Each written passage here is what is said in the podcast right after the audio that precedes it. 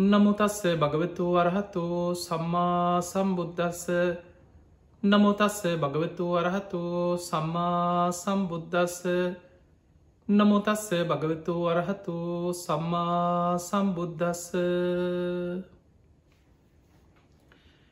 හැම දෙනාටම තෙරුවස්සන්න ප්‍රාර්ථනා කරමින් ඔබ හැම දෙනෙක්ම අදත් ඔබ හැම දෙනෙක් මාදත් ඔබේ ජීවිතයට වැදගත් ධර්ම කාරණා රැසක් ශ්‍රවණය කරන්නයි මේ ධර්මශ්‍රවණයට සූදානන්වෙන්. පිංහතුනේ අද දවස අපේ මේ ධර්ම දේශනාවෙන් ධර්මානු ශාසනාවෙන් ඔබට සිහිපත් කරලා දෙන්නේ බුදුරජාණන් වහන්සේ අපිට පෙන්නනවා මේ ලෝකයේ ප්‍රාර්ථනා කරලා කවදාවත් ලබන්න බැරි කැමති වුණා කියලා. මෙසේවේවා මෙසේ නොවේවා කියලා අපි කොච්චර කැමති වෙලා අනේ මට මෙහෙම නං වෙන්න එපා. අනී මට මේ විදිහට නං වෙන්න එපා.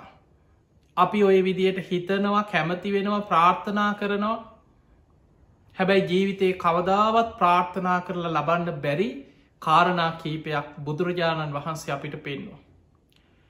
එකක් තමයි ඉපදීම දැන් බලන්න මිනිස්සු ඕනම කෙනෙක්ගෙන් අහන්න කොහෙද උපදින්න කැමති.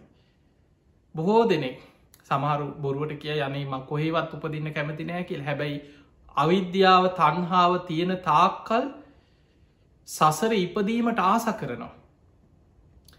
ධර්මය අවබෝධ කරන්න කැමැත්ත තමයි හැබැයි බොහෝ දෙනෙක්ෙන් ඔබ හිතල බලන් සුගතිය සුගතිය ගැන කියනකොට දිවිය ලෝක ගැන කියනකොට අනේ සාදු සාදු කියලා හිත පිහිට ඕනෝ. සමහරු ප්‍රාර්ථනා කරන අනේ මට ආයමත් මේ වගේම උපදින්න ලැබේවා. මිනිස්සු ප්‍රාර්ථනා කරන්නේ මනුස්ස ලෝක රජ පවුල්ලල උපදින්න සිටු පවුල්ලල උපදින්. බොහොම සැප සම්පත් ඇති තැන්වල උපදින්න. දිවිය සැප සම්පත් ලබන්න. දිවිය ලෝකවලත් ඉහළම දිවිය තල්වල උපදින්න හැමෝම කැමති. හැබැයි කැමති වූ පමණින් ලබන්න පුළුවන්කමක් නෑ. දැම් බලන්න කටින පින්කං කරනයි මේ කටින ආනිසංසවල බොහෝ දෙනෙක් ප්‍රාර්ථනා කරන්නේ කටින ආනිසංසවල රජකං සිටුකං විසාකා සුමනා සුජාතා බන්දුල මල්ලිකා බුදුහාදුරන්ගේ කාල හිටපු මේ මහා ධනවත්තු සිටුවරයෝ ඒ අයගේ නං කිය කියා මිනිස්සු ප්‍රාර්ථනා කරනු අපටත් මේ සසරේ සැප විඳලක් කෙලවර. එහෙම ප්‍රාර්ථනාවතින කෙලවර එක කවදා වෙන එකද දන්න ඇය කෙලවර. හැබැයි දිවිය මනුස්ස සැප සම්පත් විඳලා අවසානය කෙලවර තමයි නිවන් දකින්න බොහෝ දෙනෙක් ප්‍රාර්ථනා කරන්න. ඒ අවිද්‍යාව නිසාමයි පිංහතුනේ ඒ අතර බොහෝ දෙනෙක් කැමතියෙන අනේ අපිට සුගතිය උපදින්න ලැබේවා. අපිට දිවිය සැප සම්පත් ලැබේවා. හැබැයි කැමති වූ පමණින් ලබන්න පුළුවන්කමක් නෑ. උපදින්නේ අපේ කැමැත්ත නිසා නෙමෙයි. පටිච්ච සමුපාදයේ බුදුරජාණන් වහන්සේ බොහෝම ලස්සනට උපදින්න හේතුව පෙන්ඩනවා. බව පච්චයා ජාති. විපාක පිණිස කර්ම හැදෙන නිසා ඒ කර්මයට අනු උපදින. වික්පාක පිණිස කර්ම සකස් වෙනකොට ඒ කර්මය නිසා උපදිනවා. විපාක පිණිස කර්ම හැදිලා තියෙන කාම ලෝකෙ උපදින්න නම් කාම ලෝකෙ උපදින. කාම බව.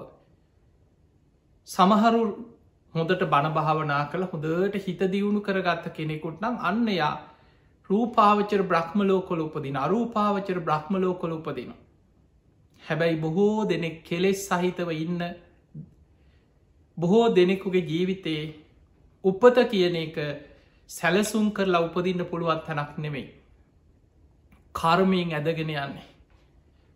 අපි දන්නේ නෑ මරණාසන්න මොහොතේ මොනවගේ කර්මයක් බලවත්වයිද. සමහර වෙලාවට බොහෝම පින්කරපු අය අකුසල් බලවත් වෙලා දුගතිය වැටිච්ච සිදුවීම් ධර්මය තියනවා. පිංහතින ඔබ දන්නවා ධර්මාස්ෝක රජ්ජුරු. සාමාන්‍යයෙන් එක පන්සලත් දෙකක් හදලා පොඩි පිනක් කරගත්ත කෙනෙක් නෙමෙයි. අසූ හාර දහසක් දඹදිව යොදුනෙන් යොදුන වෙහෙර විහාර ඉදි කරා. ධර්ම සංගායනාවක් කෙරෙව දාහක් මහරහතන් වහන්සේලා එකතු කළ ධර්ම සංගායනාවට මූලිකත්වගත්. තමන්ගේ එකම පුතා මහින්ද කුමාරය පැවිදි වුණා මිහිදු මහරහතන් වහන්සේ බවට පත් වනා. තමන්ගේ දියනිය සංගමිත්තාව උතුම් රහත් භික්‍ෂුණියක් බවට පත් වනා මුණපුරා සුමන සාමනීරයන් වහන්සේ ඉරුද්ධි මන්තම භික්ෂුවක් සාමනීර වුණා හැබැයි පිංහතුනේ ධර්මාස්වක රජ මේ පෘතජ්ජන භාවේ තියෙන භයානක්කම මරණාසන්න මොහොතේ නොසිතපු විදිහට අකුසලයක් බලවත් වුණ ඔබහල ඇති ළඟ හිටපු පවන් සලන කෙනාගේ අතින් වටහත්ත වැදුන කියනවා වේදනාවක් ඇතිවෙන විදිහට. ඒ වෙලාව හිතට ලොකු කේන්තියක් තරහක් වෛරයක් ඇති වුණා මර ඒ මොහොතෙම දවේශය බලවත් වෙලා මිය ගිය දින කීපයකට හරි දුගතියක වැටුණු. මහා පින්කං කරලා තිබුණත් මරණාසන්න මොහොත අර ආසන්න කර්මය අකුසලේ බලවත් වෙලා දින කීපයක් හරි දුගතිය වැටුණ. හැබැයි පින බලවත් දවස් කීපයකින් චුත්ත වෙලා දිවියලෝක ඉපදුන. පිංහතුනේ ඒ වගේ මරණ මංචක අපි කවුරුත් දන්නේ නෑ. මොන වගේ කර්මයක් බලවත්වේද මොන වගේ අකුසලයක් අපිට බලවත්තේද? බුදුරජාණන් වහන්සේ පෙන්නන්නේ මහනෙන සංසාරික සත්වයාට සතරාපාය හරියට මහගෙදර වගේ. ඔබ බලන්න මහගෙදර වගේ කියපු එක උපමාව සාමානෙන් ඔබ ජීවත්වෙන මේ මගේ කියලා මහගෙදරක් ඔබට ගයක් තියෙනවා කියලා හිතන් ඔබ ගෙයින් එලියට යන්න මොනවා හරි අරගෙන ආයි ගෙටේන අදහසේ හිත තියෙන්නේ ගෙදර. කඩේට ගිය. බඩු ටිකක් ගත්තා. ආපහු වෙන්න ගෙතර ප්‍රස්හාාවට යනවා. වැඩ ඇරිලා එන්නකං ඉක්මනින්ම එන බස්සයක හරි කෝච්චයක හරි එල්ලිලා පුළුවන් තරං හිටගෙන හරි ඉඳගන්න ඉඩ නැතත් බස්සෙහෙ හරි එල්ලිලා ඉක්මනින් ගෙදරයන් මොකද හිත තියෙන ගෙදර. නෑදෑ ගෙදර කියනවා දවසක් දෙකක් තුනක් ඉදී උපරිම බල කිරීම නිසා දවස් දෙක තුනක්කෙදී. ඒත් හැම වෙලාම හිත කියන්නේ කොහේ ගියත් ගෙදර තරන්නෑ. හිත පිහිටල තියෙන්නේ හිත ඇදෙන්නේ තමන්ගේ ගෙදරට තමන් ඉන්න තැනර මහගෙදරට තමයි හිත ඇදෙන්. බුදුරජාණන් වහන්සේ පෙන්වා මහනෙන මේ සංසාරී ඉපදමින් මැරමින් ඉපදමින් මැරමින් යන සංසාරික සත්වයාගේ හිත සතර අපායට ඇදිලා තියෙන්නේ මහගෙදරට ඇදිලා යනවා වගේ කියලා. සතර අපාය පැත්තට ඇදිලා තියෙන්. ඒ නිසා හැම වෙලාවිම හිත අපාය පැත්තටමයි බරවෙලා තියෙන්. නොසිතන අද සමහරලාට රජෙක් වෙන්න පුළුවන්. මරණින් මත්තේ ඒ ඉඩමකම ඒ තමන්ගේ ගෙදරකම සතෙක් සරපෙක් කියලා උපදින්නත් පුළුව. සන මේ ජීවිතයෙක්කෝ සිටුවරයා ඊළඟ ජීවිතයෙක්කු බල්ලෙක් වෙලා උපදින්න. ඒ වගේ සිදුවීම් බුද්ධ බුද්ධ කාලි බුද්ධ දේශනාවල සඳහන් වෙනවා. තෝ දෙය කියෙන සිටුවරයා ඒ සිටු නිවසෙම බලකුක්ෙක් වෙලා ඉපදුනා මිය ගියාට පස්සේ. එතකොට අපිට පේනවා ජීවිතයේ සමහලාට එතනින් මැරිලා තව කොහරි උපදිනවා එක්කො සරපෙක් වෙලා උපදිනවා. එතනින් මිය ගිහිල්ලා එක්කො නිරේට වැටෙනවා. නිරේ දුක්කිඳලා දුක්කිඳලා එක්ක ප්‍රේතලෝක උපදිනවා මේක තමයි සංසාහරි ස්භාවේ. මේක තමයි ජීවිතවල ස්වභාවේ. ඒ නිසා අපි කැමති වූ පමණින් මෙසේ නොවේවා මෙසේ වේවා මෙසේ වේවා කියලා අපි කැමති වෙනවා. හැබැයි අපි කැමති වෙච්ච පමණින් ලබන්න පුළුවන් දෙයක් නෙමෙයි. ඒක හේතුවක පලයක් හැටියට සකස්වෙන්නේ අපේ කැමැත්ත නිසා වෙන දෙයක් නෙමෙයි. හේතුව හැදුනොත් භවය විපාක පිණිස කර්ම හැදුනොත් ඒ කර්මයෙන් උපත කරායන් එහෙම නැතු අපි කැමති නිසා අපි ඕන නිසා අපිට ඕන විදිහට යන සංසාර ගමනක් නෙමෙයි පිංහතු. අන්න බුදුරජාණන් වහන්සේ පෙන්වා සංසාරික සත්‍යයාට කැමති වුණා කියලා ප්‍රාර්ථනා කරා කියලා ලබන්න පුළුවන් දෙයක් නෙමෙයි තමන්ට සුගතියක ඉපදීම කියනෙ. ඒ නිසා අපි අප්‍රමාදීව මේ ඉපදමින් මැරමින් යන භයානක සංස දැම් මේක සැපයක් තියෙනවන කවුරුත් මේකෙන් යන්න කැමති නෑනේ මේ මනුස්සලෝක අපි හිතන තරන් පේන තරම් මේක මහා සැපයක් තියෙන තැනක් නම් කෞද මේකින් යන්න කැමති? නමුත් අපිට සැපයක් වගේ පෙනුනට ඒක තුළ විශාල දුකක් වැහිලා ගැට ගැහිලා මේ දුකක් එක් අපි ජීවත්තෙන් ඒක තමයි ලෝකෙ ස්භාවේ. බලන්න ඉපදිච්ච සෑම මනුස්සයෙක්ම කොච්චර ජීවිතය විඳෝනවාද. ජීවිතයේ කොච්චර නං කායික ලෙඩරෝග මානසික ප්‍රශ්න ප්‍රියයන්ගෙන් වෙන්වීම හතුරු තරහකාරයෝ ඉරිසියාකාරය එක්ක ඇතිවෙන ප්‍රශ්න මුළු ජීවිත කාලෙම දවසක් දෙකක් හිනා වෙලා සතුටින් හිටියොත් මාසයක් අඩන්න කාරණා තියෙනවා. මිනිස්සුන්ගේ ජීවිතය කොච්චර ඔබ බලන්න සමහරලාවට නෑ මේක සැපයි සැපයි කියන ඉස්පිරිතාලකට ගිහිල්ලා ඊළඟට ඔය පිළිකාරෝ හලකට ඒ වගේ තැනකට ගිහිල්ලා ඇවිදලා ඒ අයත් එක්ක කතා කරලා ඒ වාට්ටුවල ඉන්න පොඩි දරුවන්ගේ දං ඒ මනුස්සයන්ගේ ජීවිතේ දිහා පොඩ්ඩක් එබිල බලන්න. මමත් ඉපදීම ස්වභාවය කොටගත් කෙනෙක් නේද. මමත් ඉපදමින් මැරමින් යන කෙනෙක් නේද. මටත් මේ වගේ උපතක් ලැබෙන්ඩ පුළුව. ඒ විදිහට ජීවිතයට ගලපල හිතන්න. පිංහත්තුනි බුදුරජාණන් වහන්සේ පෙන්නනවා මහනෙන කෙනෙකුට දකින්න ලැබෙනවා ඉතාම දුකසේ ජීවත්වෙන මුළු ඇග පුරාම කුස්ට හැදිලා කුදු ගැහිලා නැකිට ගන්න බැරුව දුක්විදින වයෝවෘදත්තයට පත්වෙච්ච බොහෝම අසරණ වෙච්ච මනුස්සෙත් දකින්න ලැබෙනවා. එහෙම දැක්කට පස්සේ අර අවිද්‍යාව තුළ ඉන්න කෙනා හිතන්නේ අම්මෝ අපිට නං ඔය වගේ උපතක් එපා. එතකොට එයා ප්‍රාර්ථනා කරන මටනං එපා කියල් හැබැ ප්‍රාර්ථනා කරට ලැබෙන්නේ. බුදුරජාණන් වහන්සේ වදාලා එයා හිතන්න ඕන ඔය විදිහට නෙමේ මේ ඉපදමින් මැරමින් ඉපදමින් මැරමින් යන සංසාර ගමන මම කොච්චර නං ඔය වගේ ඉපදිලා ඉන්න ඇත්. මම කොච්චර මේ වගේ උපත් ලබල ඇද්ද. අනාගතයේ මම ධර්මය අවබෝධ නොකොළොත් අදමම් මෙහෙම හිටියට මට මේ වගේ දුක්විදින්න තව කොච්චර අනාගතය උපත් ලැබෙයිද. ඊළඟ ජීවිතේ කොයි වගේ තැනක උපදීද අපි කවුරුත් දන්නේ.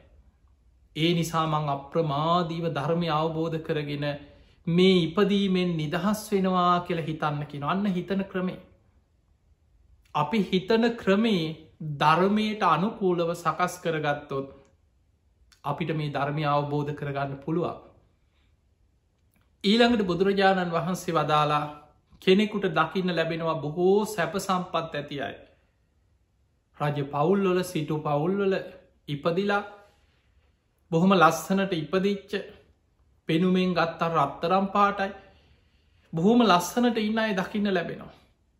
දැක්කට පස්සේ කෙලේ සහිත කෙනාගේ හිතේ ස්භාව ඔබ හොඳට බලන් මේ ලක්ෂණ මනුසයන් තුළ නැද්ද කියලා ඉරිසියාවක් ඇතිවෙන්. තමන්ට නැති නිසා තියෙන කෙනා ගැන හිතේ ඉරිසියාවක් ඇතිවෙන. හිත ඇතුළෙන් වෛර කරනවා අදවේශ කරනවා. හිත ඇතුළින් සමහරලාට බනිනෝ. අපිටම තමයි මේ සියලු කරදර මුන්ට කිසි කරදරයක් හෙනයක් නෑනි කියලා හිත ඇතුළේ ඒ මිනිස්සුන්ට ඉරිසියා කරනවා වෛර කරනවා. මතක තියාගන්න ඒ අය සසරේ වපුරපු දේවල්ලේ. ඔබ වපුරපු දේ ඔබ නෙලාගන්නවා ඒ අය වපුරපු දේ අය නෙලා ගන්නවා. කාටවත් කවදාවත් ඉරිසියා කරන්න පුරුදුවෙන්න එපා. හිතට ඉරිසියාවක් එනකොටම හිතන්න ඒ අයි සසරි මට වඩා පින් කරලා. ඒ පිනේ විපාකයක් අදේ අය ගෙවනවා. හැබැයි ඒ පිනත් අනිත්‍යයි. මමත් ඔය වගේ සංසාරි කොච්චරනං ඉපදිලායින්න නැද්ද. අන්න බුදුහාදුරුව පෙන්න්නනවා ධර්මයට අනුව අපි හිතන්නේ කොහොමද. එහෙම කෙනෙක් දැක්කොත් බොහෝම ලස්සන කෙනෙක් බොහොම පොහොසත් කෙනෙක් බොහෝ සැපසේ ජීවත්වෙන කෙනෙක් අපි දකිනවා. එයා හැමදාම ඉන්න අනෙමේ ඒ ඉන්න ටික කාලෙ තුළ හරි බොහොම සැපසේ ඉන්නවා දකිනෝ. ඒ දකිනකොට හිතන්න කියනවා මම කොච්චර නම් මේ වගේ සසර ඉපදිල ඇද්ද. හැබැයි ඒ සියල් අදාහිමි වෙලා. මේ මිනිස්සුත් අද ඔහොම කාලබීල සතුටෙන් හිටියට අනාගතයේ තව කොච්චර කාලයක් ඒ පිනේ විපාක මේ අය අරගෙන අයිද. අප්‍රමාදීව ධර්මීම අවබෝධ කරගෙන සසරින් මිදීම මයි සැපය කියලා හිතන්න කියන. ඒ නිසා පිංහතුනේ ඔබේ හිත හිතන ක්‍රමය ධර්මයට අනුකූලව සකස් කරගන්න. අපිට පේනවාද සමාජි ගොඩා පිරිහිලා. විශේෂෙන් ගත්තොත් අපේ රටේ මිනිස්සු තුළ පුද්දුම විදිහට ඉරිසියාව වෛරය කුහකකම් ගුණමකුකම් ඔබ හොඳට බලන්න යමක්කමක් තියෙන මනුස්සේකුට කොච්චර මිනිස්සු ඉරිසියා කරනවාද. එක්කො බොරු කතා හදනවා. ඒ ඉරිසියාවත් එක් ඉරිසියාවත් එක්කෙන ඊළඟ දේ තමයි පලිගැනීම. බොරු කතා හදනවා. කතා ගොතනවා. ඔහුට විරුද්ධ මොනවාහරි ප්‍රශ්නයක් එනකං දින ගැන ගැන ඉන්න. ඕන් අද ඔහොම හිටියට ඕම් බලාපල්ලක ඔවුන්ට වෙනදේ ඔහොම කියන්න ඇද බල. ඒ තමන්ට මේ දිවසත් තිබිලද අනාගතය දැකලද නෑ ඉරිසියාව. කෙනෙකුගේ විනාසේ ප්‍රාර්ථනා කර කර අර දියුණු වෙලා ලස්සනට ඉන්න සැපසේ ඉන්න මනුස්්‍යයා විනාස වෙනකන් දින ගැන ගැන හිතේ ප්‍රාර්ථනා කරන. අපි හිතම ඒ මනුස්සයට මොකාක් හරි ලෙඩක් හැදෙනවා කරදරයක් වෙනවා ගෙදර ප්‍රශ්නයක් වෙනවා. හිත ඇතුලින් සතුට වෙන බොරුවට මූුණට අනේ පව් කියලා කිව්වට හිත ඇතුළින් මිනිස්සු සතුට වෙනවා. ඒ වගේ ඒකට තමයිකැන ඊරිසියා සමහරුන්ට එක තේරෙන්න්නෙත් නෑ. තමන්ගේ හිත ඇතුළේ ඇතිවන ඉරිසියාව වෛරය දවේශය කුහකකම පලිගැනීම ගුණමකුකම මේ පහත් සිතුවිලි හොඳට තමන්ගේ හිත දිහා බලමින් අඳුනගන්න. අන්න එතකොට තමයි අපිට ඒව ප්‍රහාණය කරගන්න පුළුවන් හැකියාව එන්නේ. අපි ඒ අඳුනගෙන නැත්නම් කොහොමද පිංහතුනි ප්‍රහාණය කරන්න. ඒ නිසා ඔබේ හිතේම හටගන්න පහස් සිතුවිලි හොඳට සිහියෙන් දකින්න. අන්න ඒකටයි වැදගත් වෙන්නේ චිත්තානු පස්සනා සතිපට්ඨාන. කායානු පස්සනා වේදනානු පස්සනා ධම්මානු පස්සනා චිත්තානු පස්සනා. බුදුරජාණන් වහන්සේ අනුපස්සනා හතරක් වෙන එක චිත්තානු පස්සනා කෙන තමන්ගේ හිත ගැන සිහියෙන් ඉන්න කියනවා. හිතට එන හැම සිතුවිල්ලක්ම සිහියෙන් දකින්න කියනවා. රාග සිතවිල්ලක් කෙනවා. එතකොට ඒ සිතුවිල්ල හොඳට සිහියෙන් දකින කෙනාට ඒ සිතුවිල්ල ප්‍රහාණය කර ගන්න පුළුවන්. දවේශ සිතුවිල්ලක් කෙනවා තරහක් ඒ සිතුවිල්ල හොඳට දකිනවා. මගේ හිතේ දැම්ම දවේශයක් ඇති වුණේ. ඒ අඳුන ගත්ත කෙනාට ඒක ප්‍රහාණය කරගන්න පුළුවන්. කේන්තියක් වෛරයක් ඇති වෙනවා. හිත විසිරෙනවා. එපා වෙනවා කලකිරෙනවා. ඒ එන හැම සිතුවිල්ලක්ම හිත විසිරුණත් ඒ හැම දෙයක්ම හිත තුළ හොඳට සිහියෙන් දකින්න පුළුවන් චිත්තානු පස්සනාව පුරුදු කරගත්ත කෙනාට. අන්න එහෙම දකින කෙනා හිතේ හටගන්න අකුසල් ප්‍රහාණය කරමින් කුසලයට හිත පුරුදු කරගන්න. ඊළඟට පිංහතුනේ බුදුරජාණන් වහන්සේ පෙන්නවා දැම් පළවෙනි එක තමයි ඉපදීම. අපිට කැමති තැනක අපි දැ මේ ලෝක මිනිස්සුන්ට හිත පිහිටෝල කැමති තැන්වලම උපදින්න පුළුවන්නම් කවුරු දුප්පත් මිනිසු නෑ එහෙනල් ලෝකෙ. එහෙනම් කවුරු සතරාපායන්නෙත් නෑ. හැමෝම පොහොසත් එහෙනම් හැමෝම දනවත් හැමෝම ලස්සනයි. හැමෝම උසස් කුලවත් ඉහළම බුද්ධියක් ඇති ලෝක එහෙනම් හැමෝම එක වගේ. එහෙම නොවෙන්නේ අපිට හිත පිහිටෝල අපි කැමති විදිහට අපේ උපත ලබන්න පුළුවන්කමක් නැති නිසා. ඊළඟට බුදුරජාණන් වහන්සේ දෙවනි කාරණය අපිට පෙන්නවා මහනෙන මේ ලෝකෙ කැමති වෙච්ච පමණින් ප්‍රාර්ථනා කර පමණින් ප්‍රාර්ථනා කළ ලබන්න බැරි දෙයක් තියෙන. ඒ තමයි ලෙඩවීම මිනිස්සු ප්‍රාර්ථනා කරන අනේ මටනං ඔය වගේ ලෙඩක් හැදෙන් එපා. මටනං උපෝපං ආත්මිකවත් මේ වගේ නම් ලෙඩ හැදිල දුක්විදින සිද්ධ වෙන්න එපා කියල මිනිස්සු ප්‍රාර්ථනා කරන ඔබ හල ඇතින. බලන්න ඔබ ඔබේ නෑයෙක් වෙන්න පුළුවන් ඔබේ හිතවතෙක් වෙන්න පුළුවන් සමහරු යන ස්පිරිතාල්ට යන ලිඩ්ඩු බලන්න යනවා. ඒ ලෙඩ්ඩුම්ම දැක්කට පස්සේ සමහරු පුුණු වෙලා තුවාල දාලා මම දැකලා තියෙන එක ලිඩෙක් මම් බලන්න ගිය වෙලාවක. කකුලෙ තුවාලයක් මේ තුවාලෙන් පනුව එනවා උඩට. පණපිටින් ජීවත් වෙලා ඉන්න ඇති පනුව ගහලා? කොච්චරනං වේදනා විදිනවද මේ ලෝකෙ මිනිස්සු? ඒ නිසා පිංහතුනේ සමහර වෙලාවට ඒ වගේ අය දැක්කට පස්සේ හිතෙන අම්බෝ මටනං එහෙම ඕන්නේ හැබැයි අවිද්‍යාවත් එක්කයි ඔබ ඉන්නේ. ඒ අවිද්‍යාව නිසා ඒ අවිද්‍යාව නිසා මිනිස්සු ප්‍රාර්ථනා කරන්න මෙහෙම මටනං උපවපං ආත්මිකවත් මේ වගේ නන් ලෙඩක් හැදෙන් එපා කියලා හිතෙන් හිතනවා. එක කියනවා. තැන් බලන්නේ වචනෙම උපවපං ආත්මවල ගැන තව සසරේ ආත්මෙන් ආත්ම ඉපදීපද යන්න කැමති. ලෙඩක් නැතුව. එහෙම පුළුවන්ද. ඉපදුනානං ඒ කාන්තෙල් ලෙඩ වෙනවා අම්මයි. අපි කවුරුත් දරාගෙන ඉන්න ලෙඩ වෙන ශරීරයක්. බුදුරජාණන් වහන්සේ වදාළ මහනෙන. සතර මහා ධාතුන්ගෙන් හටගත්ත. ලෙඩ වෙන මේ සර්කුණු ශරීරයක් දරාගෙන. කෙනෙක් හිතනවනම් මම බොහොම නිරෝගි කෙනෙක් මම තරං කෙරුමෙක් නෑ.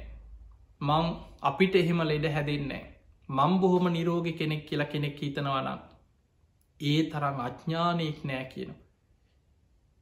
ඒ නිසා පිංහතුනේ හැම වෙලාවෙම හිතන්න ලෙඩ වෙන කයක්.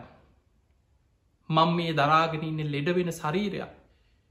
කොයි තරම් කොටසෙන් කොටස හිතන් ආදීනව සංඥාව කියලා බුදුරජාණන් වහන්සේ අපේ ශරීරයේ හටගන්න ලෙඩරෝග විස්තර කරලා තිනොක් ගිරිමානන්ද සූට්‍ර ආදීන වසයෙන් බලන්න කිය. පිංහතුනේ කොච්චර ලෙඩ හැදෙනද බලන්න කොටසෙන් කොටස ඇහැගත්තොත් ඇහි කොච්චර ලෙඩ තියනොද ඇහැමුල් කරගෙන. කනගත්තොත් කනේ තියෙන ලෙඩ. නාසේ දිවේ ශරීරය ගත්තොත් හමී රෝග මේ මස්වල ඉදිමීමේ රෝග නහරවැල්වල රෝග අස්තිරෝග පෙනහළු රෝග කොටසෙන් කොටසට බඩවැල්වල රෝග අක්මාවි රෝග වකුගඩුවල රෝග මේ වගේ මුළු ශරීරයම ලෙඩ ගොඩක් ඔබත් මමත් අපි කවුරුත් දරාගනින්නේ ලෙඩ වෙන ශරීරයක් කුණු කයක් ඇත්තටම මොහොතක් මේ කයදිහා දවසට විමසල බලන්න පුරුදුවෙන්. අපේ තියෙන මාන්නේ ආරෝග්‍ය මදේ තරුණ මදේ අපි නම් බොහොම තරුණයි අපි නං ලෙඩ වෙන්න ඒ වගේ ගොඩාක් තරුණයට තමයි ඔය මාන්නේ හිතට බලවත්තේ. හොඳට කොටසෙන් කොටස විමසීමස බලන්න මේ ලෙඩ වෙන සරී සමහල්ලාවට අපි හොඳට ඉන්නවා අපි දන්නේ නෑ ඇගේ ඇතුළි පිළිකාවක් වැඩෙනවවෙන්න පුළුවන්. අපි දන්නේ නෑ මේ ශරීරය තුර පිළිකාවක් දූනාවෙන්න පුළුවන්. ඒක තමයි ජීවිතය යථහස භාවේ. මිනිස්සු බොහොම හොඳට ඉන්නවා. බඩේ අමාරුව කියලා යන්නේ වෛද්‍යවරයෙක් ළඟට. එක්කො ඒත් බෑ කියත් දෙක් යන්නේ නෑනෑ ඕක හරියයි ඔය කෝපිටිකක් බීපු හම හරියයි කියක ඉන්නවා. එක්ක පස් පංගුව ටිකක් බොනවා ඕක හොඳයි ඕක හරියනවා කියලා කවුරු හරි බලෙන් එක් යන ස්පිරිතාට ගිහිල්ල පරික්ෂා කල බලපහම වෛද්‍යවරු කියනවා දැන් කරන්න දෙයක් නැවාගේ ඇඟ පුරා මෙහෙම ලෙඩක් දුවල පැතිරිලා. දැම් පරක්කු වැඩි. ඒක තමයි ජීවිතය සභාවේ ඔය පණවිඩි අපිට අපි ගැන සසර යහන්න නොලැබෙයි කියලා හිතන්න පුළුවන් අපි දරාගෙනන්නේ ලෙඩ වෙන ශරීරයක් පිංහතුනේ ඔබත් මම සරණගි අපේ බුදුරජාණන් වහන්සේ පවා කොච්චර ලෙඩ වුණාද. උන්වහන්සේ සාරා සංකය කල්පලක්ෂයක් පාරමී සම්පූර්ණ කරපු කෙනෙ. පාරමී උපපාරමී පරමත්ත පාරමී හැටියට පාරමී ධර්ම සම්පූර්ණ කරගත්ත කෙනෙ. ඊළඟට අපේ බුදුරජාණන් වහන්සේ දස බලඥාන තෙසැත්තෑ ඥාන චතු විසාර්ධ ඥාන උන්වහන්සේගේ බුද්ධ ඥාන ගත්තහම අනන්තයි බුදුගුණ අනන්තයි.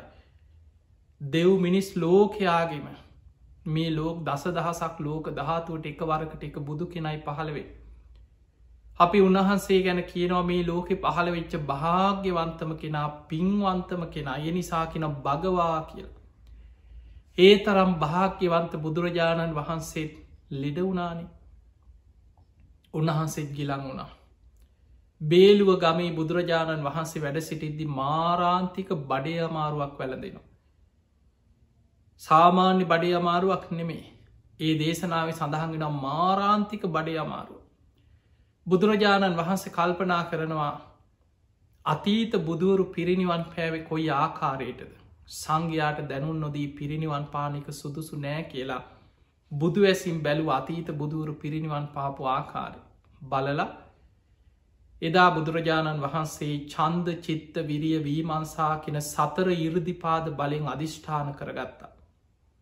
ඒ සතර ඉරදිපාදවල පිහිටල අධිෂ්ඨාන කරනකොට රෝගයේ යටපත් වෙලා ඒ ඉරදිපාද බලයෙන් බලාගෙනින් නැදි සුවපත් වනා. එතකොට අපිට පේනව බුදුරජාණන් වහන්සේටත් ඒ වගේ වේදන ඇති වෙලා තියෙනවා. ඊළඟට දේශනාවල අටුවාවල සඳහන් වෙනවා බුදුරජාණන් වහන්සේගේ කොන්දේ අමාරුවක් තිබිච්ච වගේ බුද්ධ දේශනාවල සඳහන් වෙනවා. අපේ බුදුරජාණන් වහන්සේ ධර්ම දේශනා කරද්දී ඇතැම් අවස්ථාවල කොන්දෙ අමාරු එන්න එන්න වැඩි. වේදනාව දරාගණ්ඩ බැරිවිදිහටම වැඩි වෙනකොට බුදුරජාණන් වහන්සේ කෝ මේ ආනන්ද ඉන්නවාද. සාරිපුත්ත මේ අසල ඉන්නවාද. සාරිපුත්තේ මගේ කොන්ද ගොඩාක් රිදෙන ඔබ මේ දේශනාව ඉතුරු ටික පවත්වන්න කියලා සාරිපුත්ත හාන්දුරන්ට බණ කියන්න පවරනවා.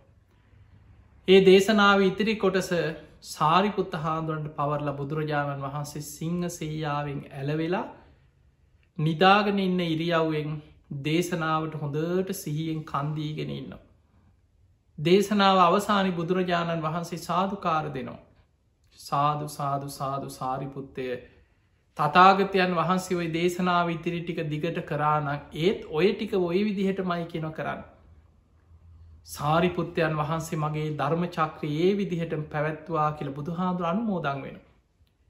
එහෙමනම් අපිට පේනවා ඉඳගෙන ඉන්න බැරි තරං වේදනාවක් කෙන කොන්දේ අමාරුවක් බුදුරජාණන් වහන්සේට විටිං විට බලවත් වෙලාතිය.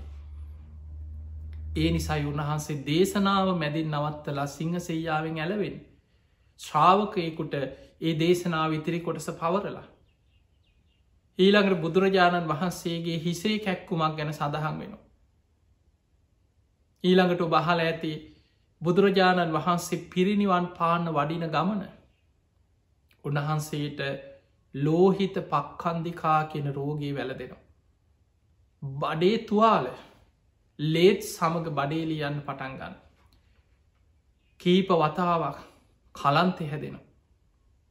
ආනන්ද හාන්දුරුව සමඟ කුසිනාරාවට පිරිනිවන් පාන පිටත් වෙලා එන්නේ කලන්තෙ හැදිලා කීප වතාවක්ම ආනන්ද කලන්තේ ඔය සඟල සිවුර එලල ආසනයක් පනවන් ආනන්ද පිපාසයි පැන්ටිකක් හොයාගෙනේ අපිට පේනව බුදුරජාණන් වහන්සේ ලෙඩ වෙච්ච ගිලං වෙච්ච ගමනකින් වැඩම කර.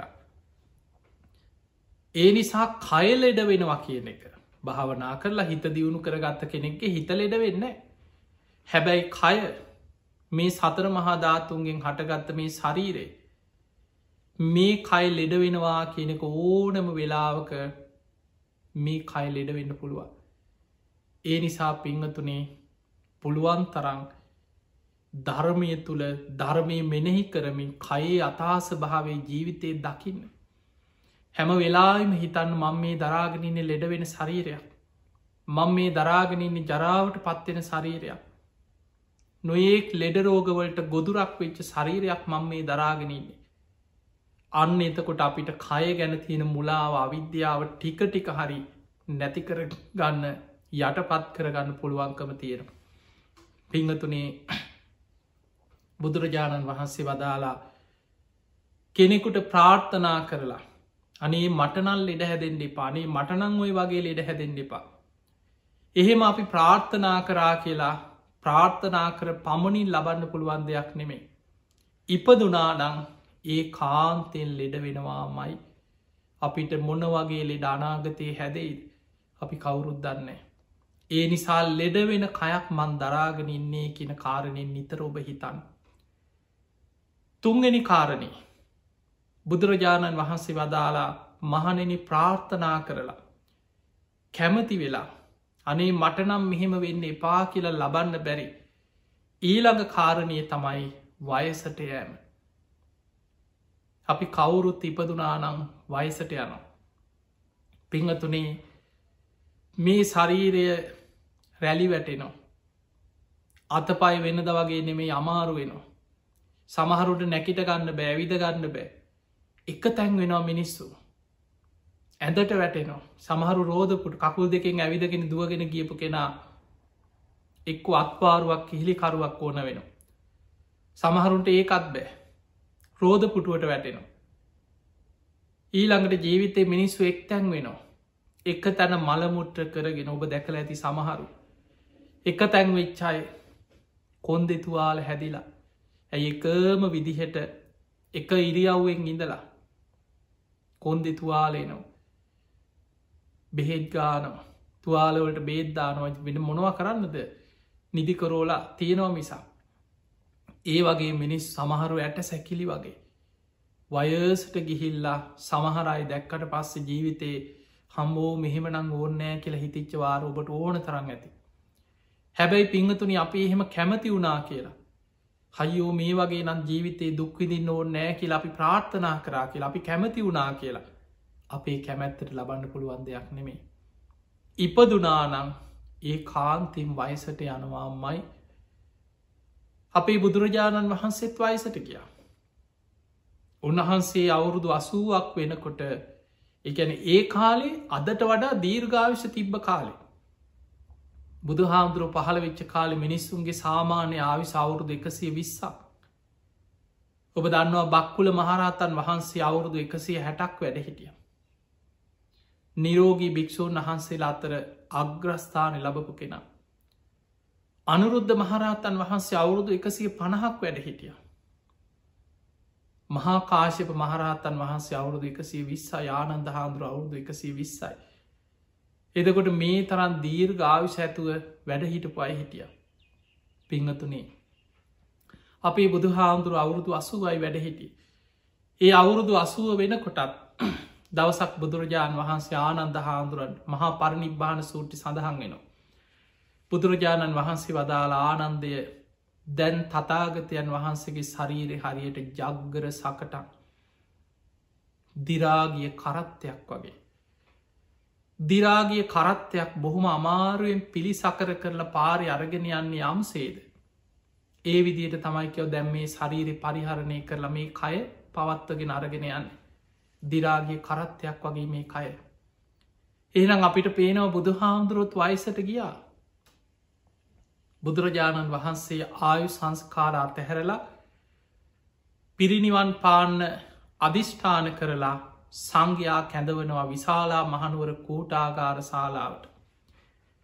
එතනති බුදුරජාණන් වහන්සේ ගාථා පෙලක් කියනවා. පරිපක්කෝ වයෝ මයිහා. මහනෙනී තතාගතයන් වහන්සේ දැම් බොහෝම වයසට ගිය කෙනෙ පරිත්තම් මම ජීවිතම් ජීවත් එන්න තියෙනෙ තව ඉතාම ස්වල්ප කාලයයි. පහායවෝ ගමිස්සාමී. නුබල සියලු දෙෙන අතහැල්ල තතාගතයන් වහන්සේ පිරිනිවන් පාන කතම් මේ සරණ මත්තනෝ මං මගේ පිහිට හදාගත්තා අපපමත්තා සතිමන්තා සුසීලා හෝත භික්කවෝ අප්‍රමාදීව සිහි ඇතුව සිල්වත්ව වාසය කරන්න මහනෙන්. සුසමාහිත සංකප්පෝ සචිත්ත මනුරක්කත. හොඳට තමන්ගේ හිත එකඟ කරගන්න තමන්ගේ හිත පිහිටවාගන්න සතර සතිපට්ඨාන හිත රැකගන්න. යෝයි මස්මින් දම්ම විනේ යමෙක් මේ ධර්ම විනේ තුළ. අපපමත්තෝ විහෙස්සති අප්‍රමාදිය වාසය කරනවනක්. පහායි ජාති සංසාරන් දුක්කස් සන්තන් කරිස්සති. ඒ හැම දෙනාම ඉපදෙන මැරෙන සංසාරදුකින් එතර වෙලා උතුම් නිවන කරා යනවා කියල බුදුරජාණන් වහන්සේ දේශනා කරන. ඒමනම් අපිට පේනවා අපේ බුදුරජාණන් වහන්සේ වයසට ගිය. උන්වහන්සේට ලෙඩ වුණ. ඒ නිසා පිංහතුනි උපන්නා වූ සෑම සත්වයෙක්ම වයසට යනවා.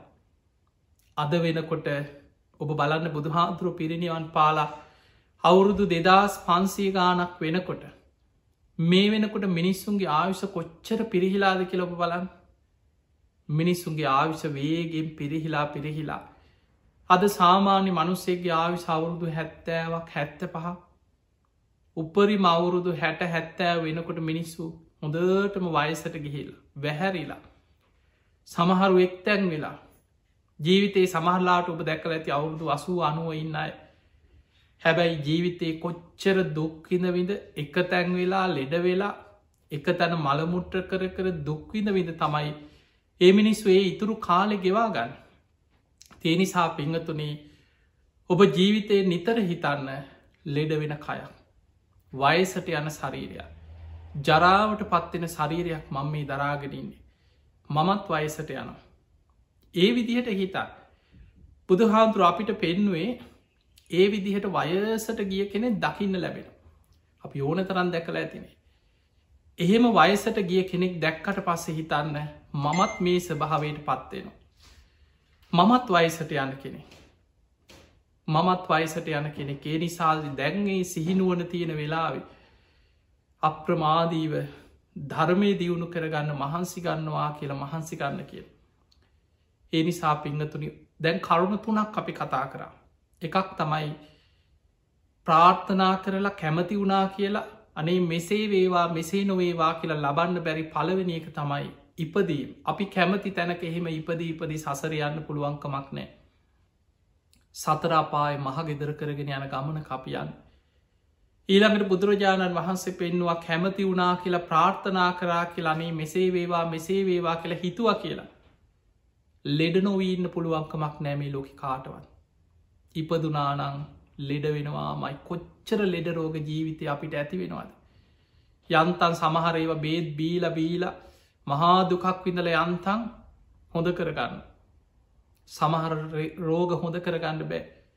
ජීවිත කාලෙම මැරෙනකම් බෙහෙත් බිබීම ඉන්න වෙනවා. ඒක තමයි කයේ ස්භාවේ.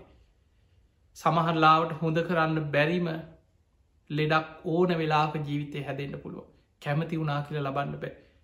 ඊළඟට මෙසේ වේවා මෙසේ නොවේවා කියලා අපි කැමති වුනා කියලා වයසට යන්න ඇතුව ඉන්න පුළුවන්කමක් නෑ.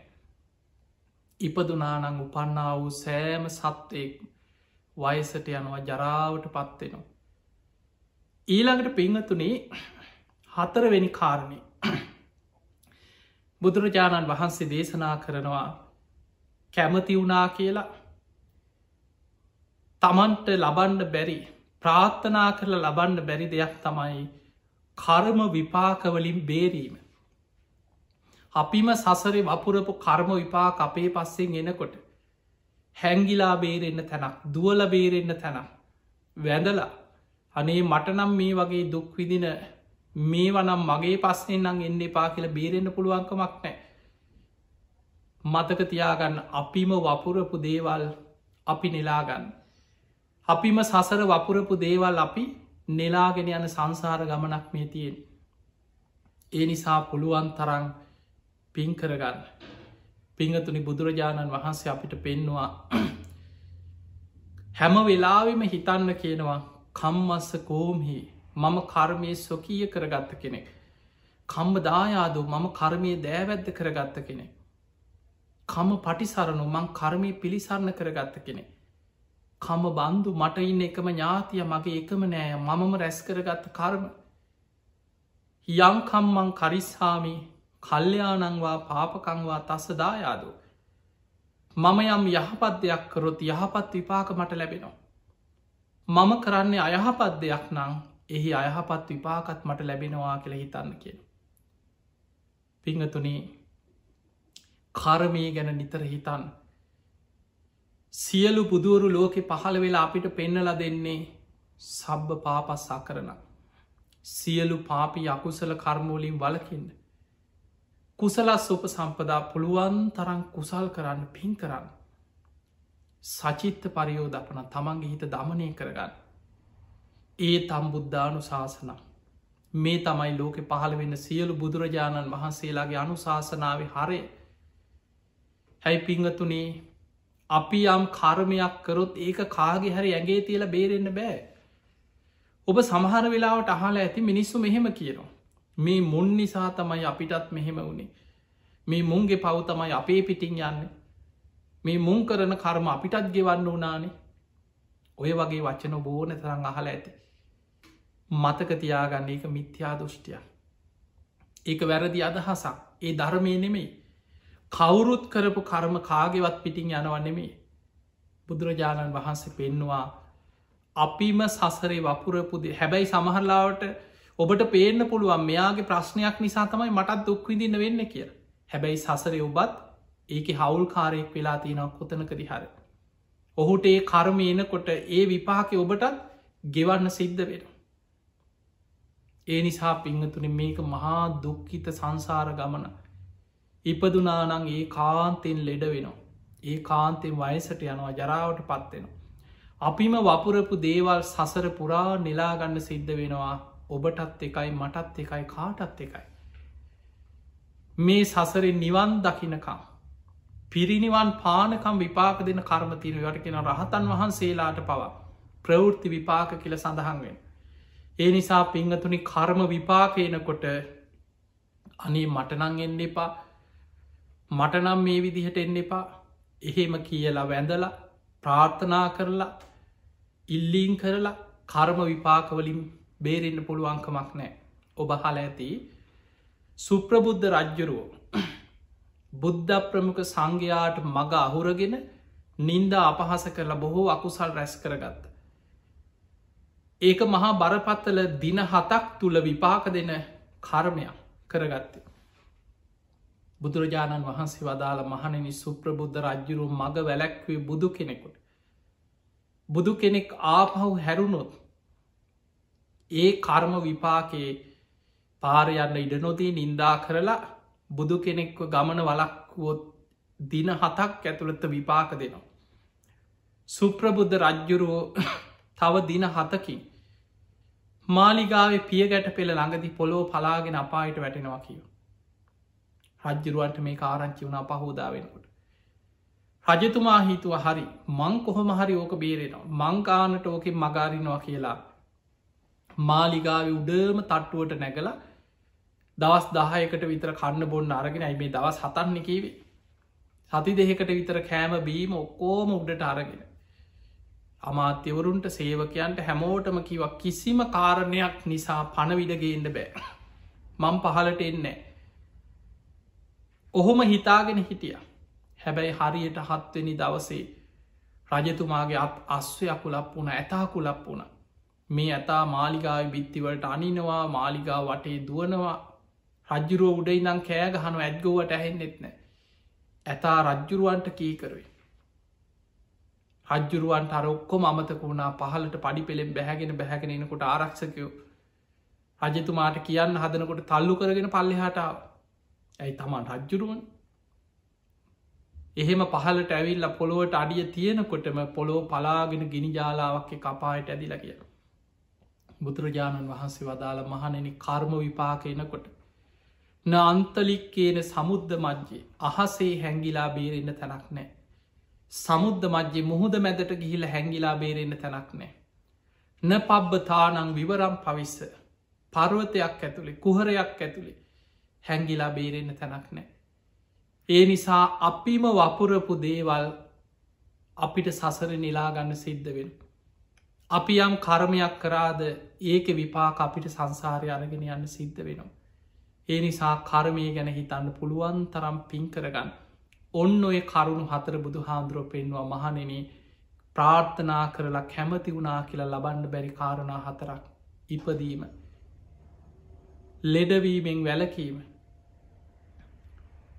වයසට යන්න නැතුව ජීවත්වීම සසරී කරපු කර්ම විපාක තමන් පසු පස එනකොට වවා ප්‍රාර්ථනා කලයි වැන් වලකින්න පුළුවන්කමක් නෑ. ඒ නිසා අප්‍රමාදීව ධර්මීම දියුණු කරගෙන මේ භයානක සංසාරදුකින් එතර වෙන්න මහන්සික. තේ පිණිස ඔබ හැම දෙනාටම මේ ධර්මාණු ශාසනාව ආශිර්වාදයක් වේවා කියලපි ආශිර්වාද කරනවා. ආකා සට්හාච බුම්මට්හා දේවානාගා මහිද්දිකා පුഞ්ඥන්තන් අනුමෝදිත්වා චිරන්රක් කන්තු ලෝක ශාසනං ආකා සට්හාචි බුම්මට්හා දේවානාගා මහිද්දිකා පුഞ්ඥන්තන් අනුමෝදිත්වා චිරන්රක් කන්තු දේශනං ආකා සට්හාචි බුම්මට්හා දේවානාගා මහිද්දිකා පුഞ්ඥන්තන් අනුමෝදිත්වා චිරන්රක් කන්තුතුවං සදා හැම දෙනාටම සම්මා සම්බුදු සරණයි.